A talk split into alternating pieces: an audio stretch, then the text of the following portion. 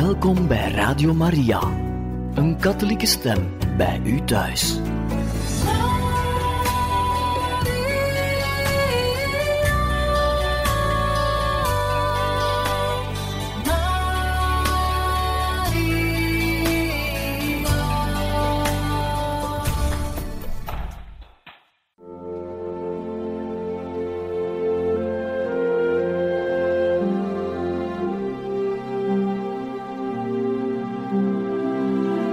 Beste luisteraars van Radio Maria, welkom bij het programma Catechismus. Een overweging bij de geloofschat van de kerk.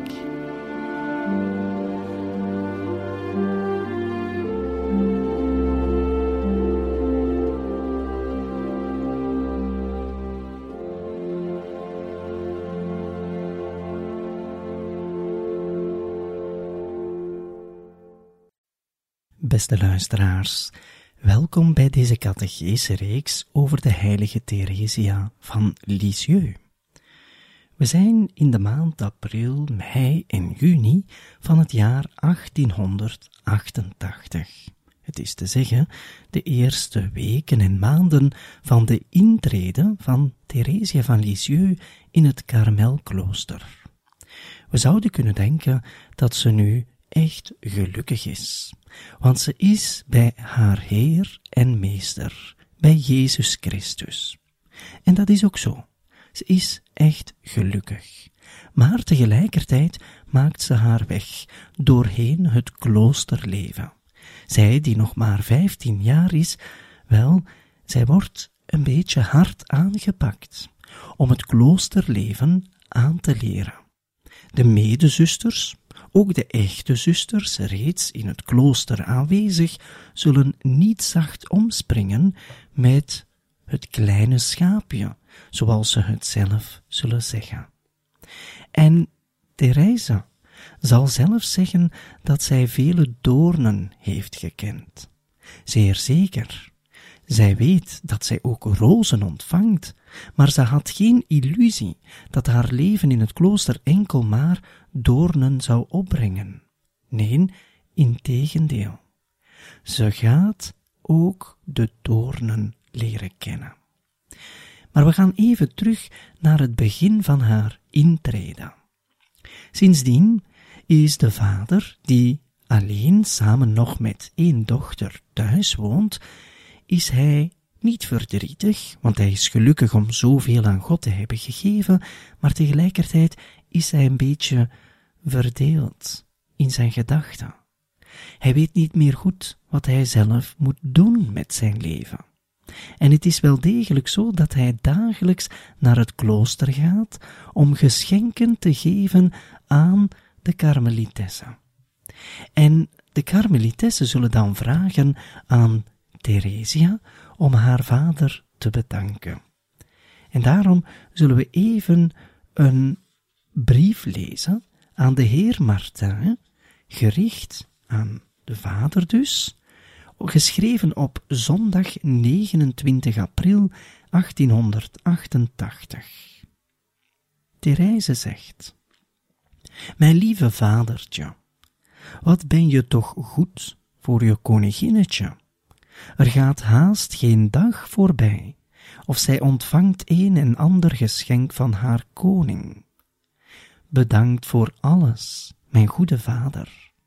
Als je eens wist hoeveel de kleine wees van de Berezina van je houdt. Dat zal je pas in de hemel bekend worden.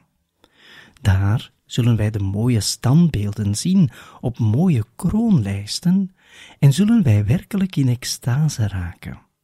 En dan, wat een gids zullen wij hebben om ons de wonderen van de hemel te laten zien. Ik denk dat veel heiligen in hun stralenkrans een Byzantijns kruis zullen dragen. Alleen de sarcofagen krijgen wij niet te zien, want in de hemel zijn er geen graven meer. Mijn lieve vadertje, ik zie dat het al later wordt, ik moet afscheid van u nemen, maar eerst omhels ik u van ver uit heel mijn hart. Het fijne pareltje omhelst u stevig. O papa, als je eens wist hoe kostbaar jouw fijne pareltje is. De schitterende diamant, de boheemse, omhelst je ook uit heel haar hart. Tot later, en dank je wel, vadertje. Je koninginnetje dat eindelijk niet meer onder de wielen kan raken. Een mooie brief, een kinderlijke brief, vol emotie, vol dankbaarheid en vol liefkozingen. En natuurlijk gebruikt Therese heel vaak verkleinwoorden. Wat ze zegt in haar brief, op een gegeven moment, ze noemt zichzelf de kleine wees van Berezina. En dat is een bijnaam die geïnspireerd werd door een roman die ze zelf gelezen had toen ze nog thuis was.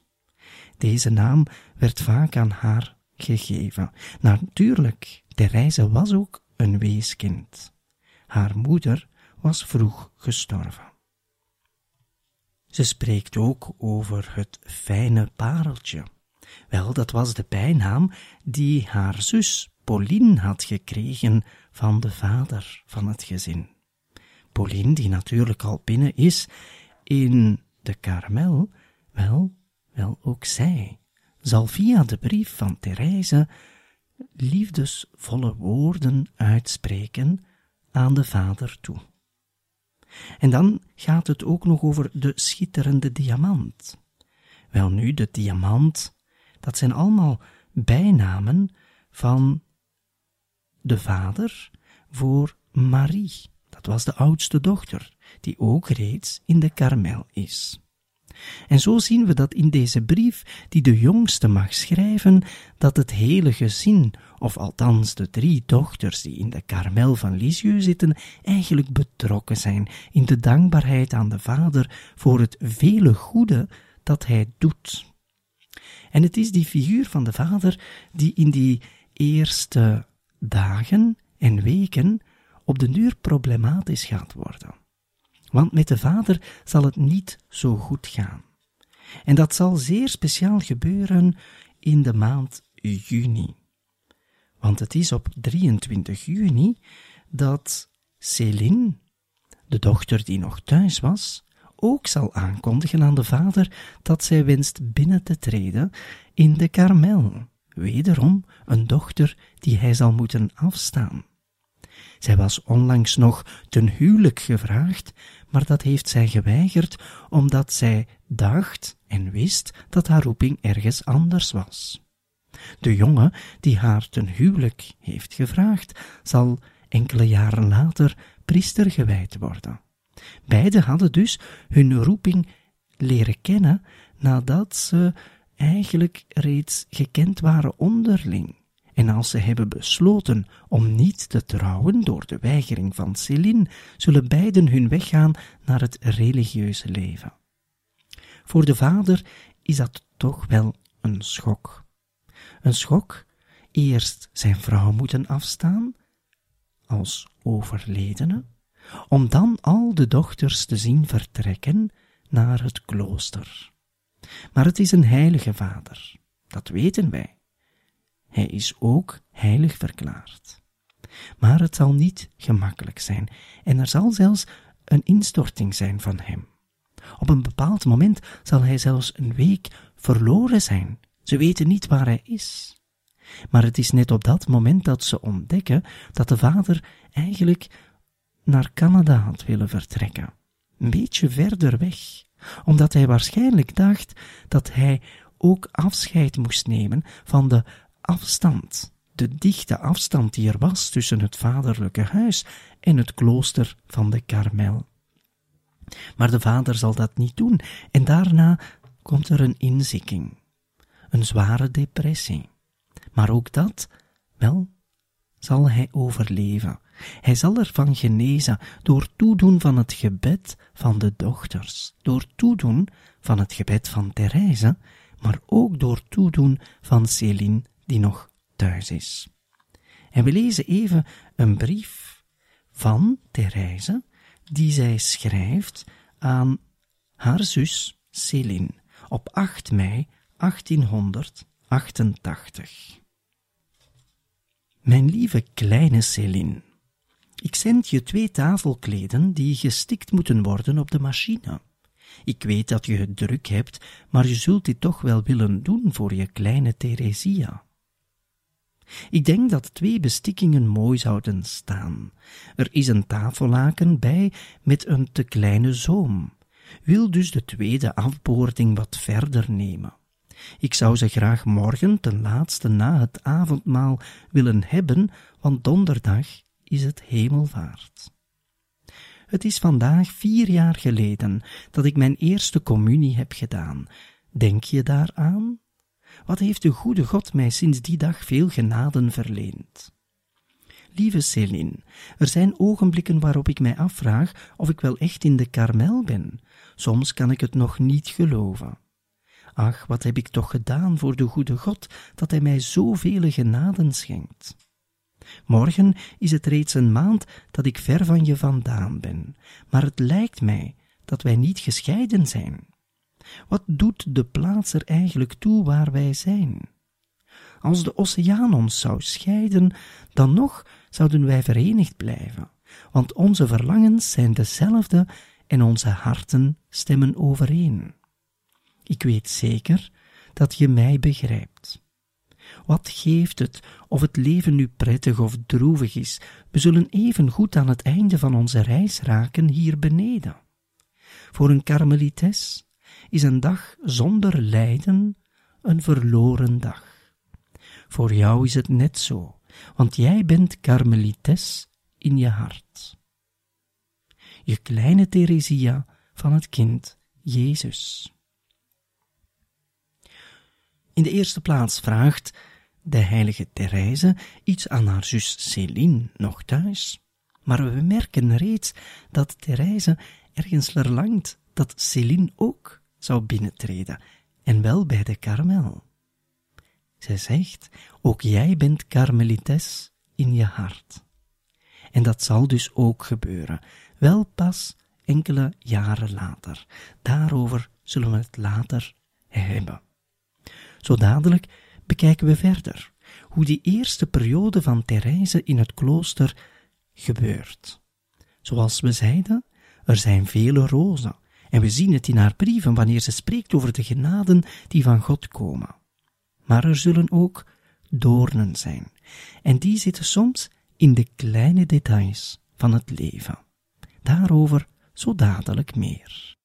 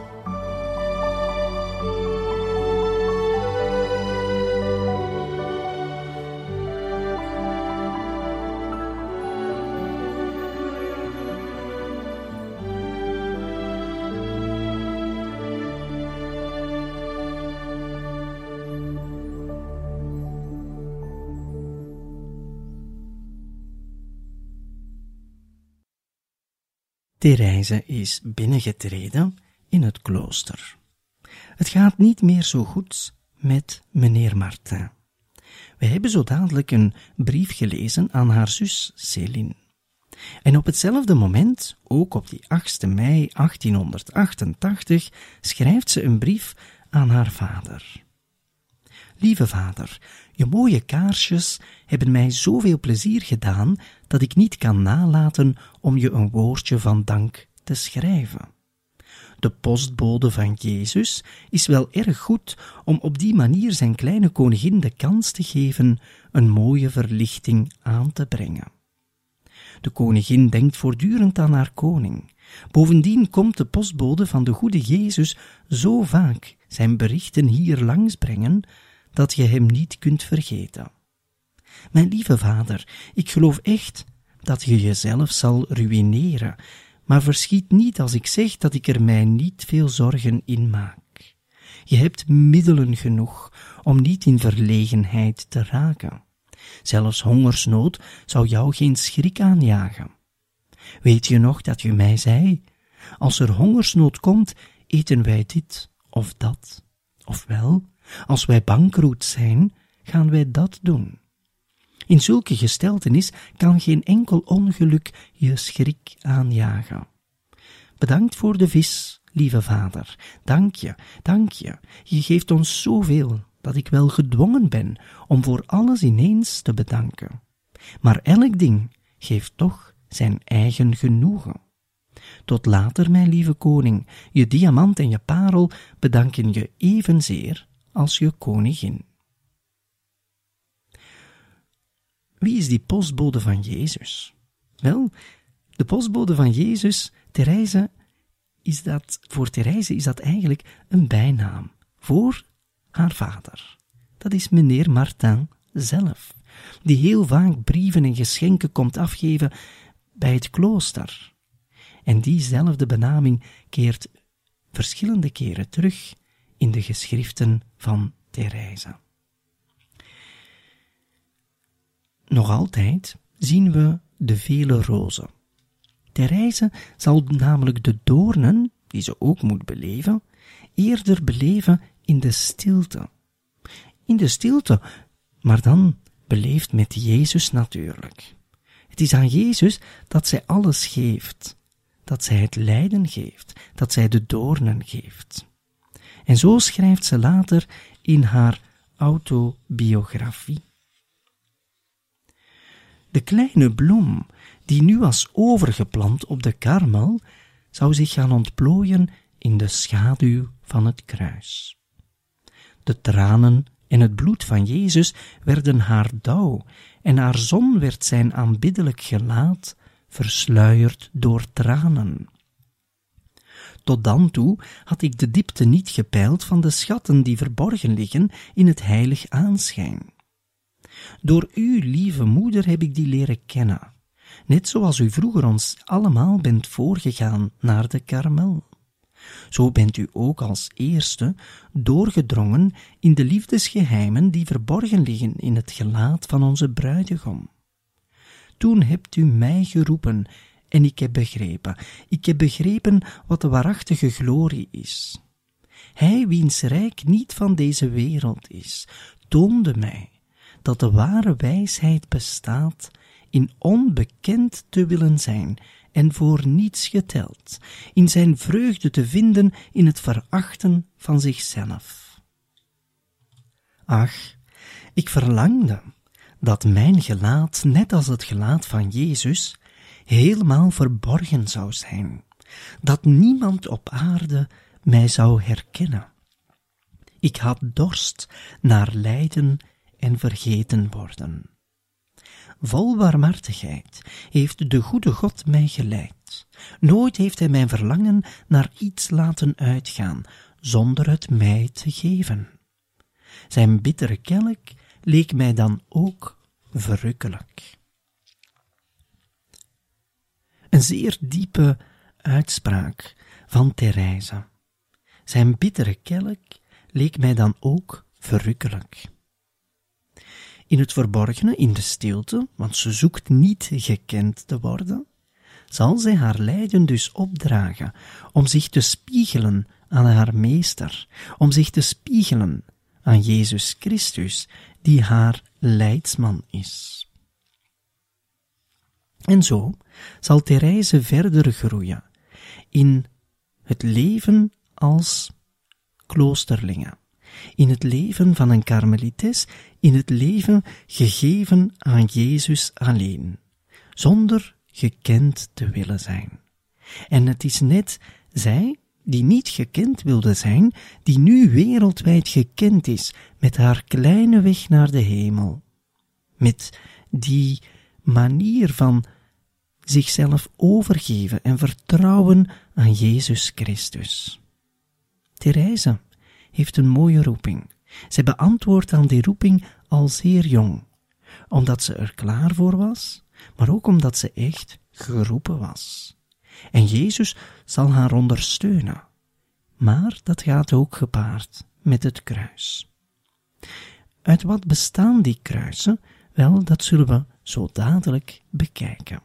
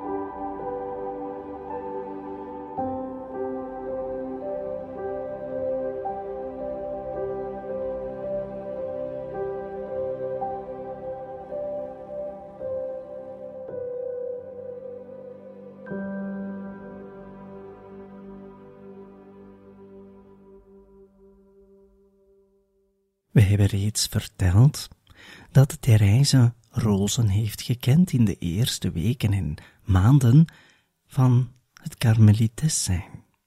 Maar ook dat ze doornen kende. En die doornen, wel, die zaten soms in de kleine details van het leven. Maar dat zijn vaak doornen die pijn doen. Maar ze heeft er zelf ook wel naar gezocht.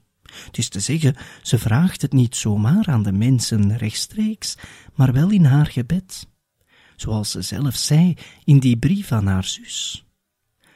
Een dag zonder lijden voor een karmelites is een verloren dag.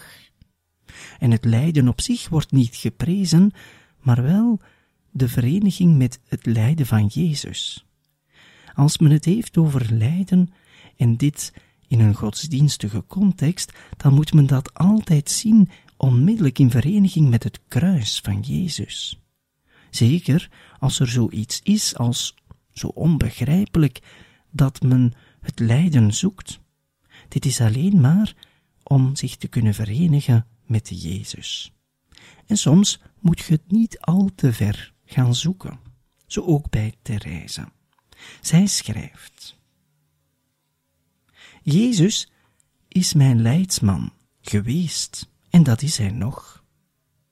Ik wil daarmee geen zin zeggen dat mijn ziel gesloten bleef voor mijn oversten, helemaal niet. Ik heb steeds geprobeerd een open boek te zijn voor hen.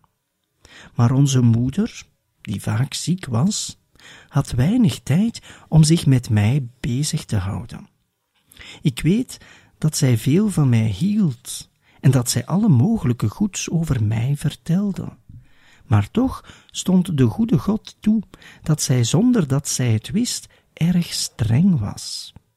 Als ik haar tegenkwam, moest ik altijd de grond kussen.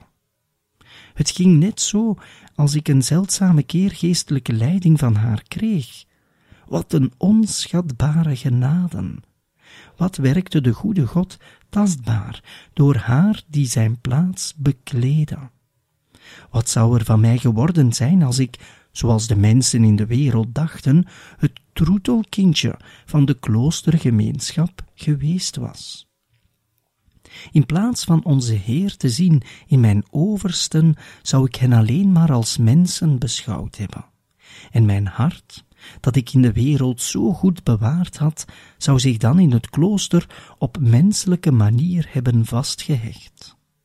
Gelukkig werd ik voor dit ongeluk behoed. Ik hield stellig veel van onze moeder, maar met een zuivere genegenheid die mij optilde naar de bruidegom van mijn ziel. Onze novice meesteres was dan weer een echte heilige, het volmaakte typen van de eerste karmelitesse. Ik was de hele dag bij haar, want zij leerde mij hoe ik moest werken. Haar goedheid jegens mij kende geen grenzen en toch bloeide mijn ziel niet open. Alleen met grote moeite lukte het mij mij voor haar te openen, want ik was niet gewend om over mijn ziel te spreken. Ik wist niet hoe ik moest uitdrukken wat er in mij omging. Een goede oude zuster begreep op een keer wat ik in mij voelde. In de recreatie zei ze lachend tegen mij: Meisje, ik denk dat u niet veel bijzonders te vertellen hebt aan uw oversten. Waarom zegt u dat, moeder? Omdat uw ziel uitermate eenvoudig is. Maar als u volmaakt zult zijn, zult u nog eenvoudiger zijn. Hoe dichter men bij de goede God komt, hoe eenvoudiger men wordt. Die goede moeder had het bij het rechte eind. Toch was de moeilijkheid die ik had om mijn ziel open te stellen, ook al kwam dat voort uit mijn eenvoud, een echte beproeving. Nu zie ik dat goed in, want zonder dat ik daarvoor ophoud eenvoudig te zijn, druk ik mijn gedachten uit met een heel groot gemak. Ik heb gezegd dat Jezus mijn leidsman is geweest. Toen ik in de karmel trad, maakte ik kennis met hem die mijn geestelijke leidsman had moeten zijn, maar nauwelijks was ik bij hem in de leiding of hij vertrok in ballingschap. Zodoende had ik hem alleen leren kennen om er meteen weer van beroofd te worden. Met één brief van hem per jaar, terwijl ik hem er twaalf stuurde, wendde mijn hart zich al gauw tot hem die zelf de leidsman van de geestelijke leiders is. En hij was het die mij onderrichtte in de kennis die verborgen blijft voor geleerden en wijzen, en die hij wil openbaren aan de allerkleinsten. Reize gaat volledig voor Jezus. En zij ontvangt ook de leiding van Jezus. Zij let op de kleine details, op vaak die kleine zinnen die worden verteld door geestelijke gesprekken heen, voornamelijk met haar medezusters, die soms zeer rechtlijnig kunnen vertellen wat ze zien in de ziel van Therese. En natuurlijk had ze ook een menselijke leidsman. Maar die, zoals ze zelf schrijft hier in haar autobiografie, had een andere missie gekregen. Daardoor was er op dat moment geen priester aanwezig die Therese echt kon helpen. Maar ze zal geholpen worden, ook door de vele priesters achteraf, maar voornamelijk door haar eigen geestelijke eenvoud. En dat is misschien het begin van die kleine weg van Therese die we wensen over te brengen in deze catechese reeks. De kleine weg naar de hemel ligt in de eerste plaats in het eenvoudige. Of, zoals Therese het ook zegt, en het staat natuurlijk in het evangelie, namelijk, Hij, Jezus, was het die mij onderrichtte in de kennis die verborgen blijft voor geleerden en wijzen, en die hij wil openbaren aan de allerkleinste. Natuurlijk, Therese is geen dom meisje. We hebben dat ook gezien, was heel vaak de eerste van de klas. Maar tegelijkertijd is zij geen professor aan een universiteit. Iedereen ontvangt van de Heer wel gaven en genaden. Maar wat Therese doet met al de gaven die ze heeft ontvangen, dat is ze om ze ten dienste te stellen van de Heer zelf. En dat is een echte eenvoud. Zoeken naar de stilte, zoeken naar het verborgene, zoeken naar de gelijkenis op Jezus Christus, zoeken naar het leven voor Jezus in alle eenvoud, met Hem omgaan dag in dag uit als de beste vriend, ook al lijkt Hij soms ver weg, toch weten, dankzij het geloof, dat Hij dicht bij ons is. En Therese zal ons dat kunnen aanleren. Maar opdat wij dat zouden aanleren, moeten we in de eerste plaats ook diezelfde eenvoud tot de onze maken ons klein maken, ons misschien niet zo vaak zo druk maken om, ja, soms grote dingen, zeker. Maar tegelijkertijd kunnen wij ze ook soms aanvaarden. En dit zal Therese leren in haar kleine weg naar de hemel, waar we het later in de volgende catecheses zeker meer zullen hebben. Tot de volgende aflevering.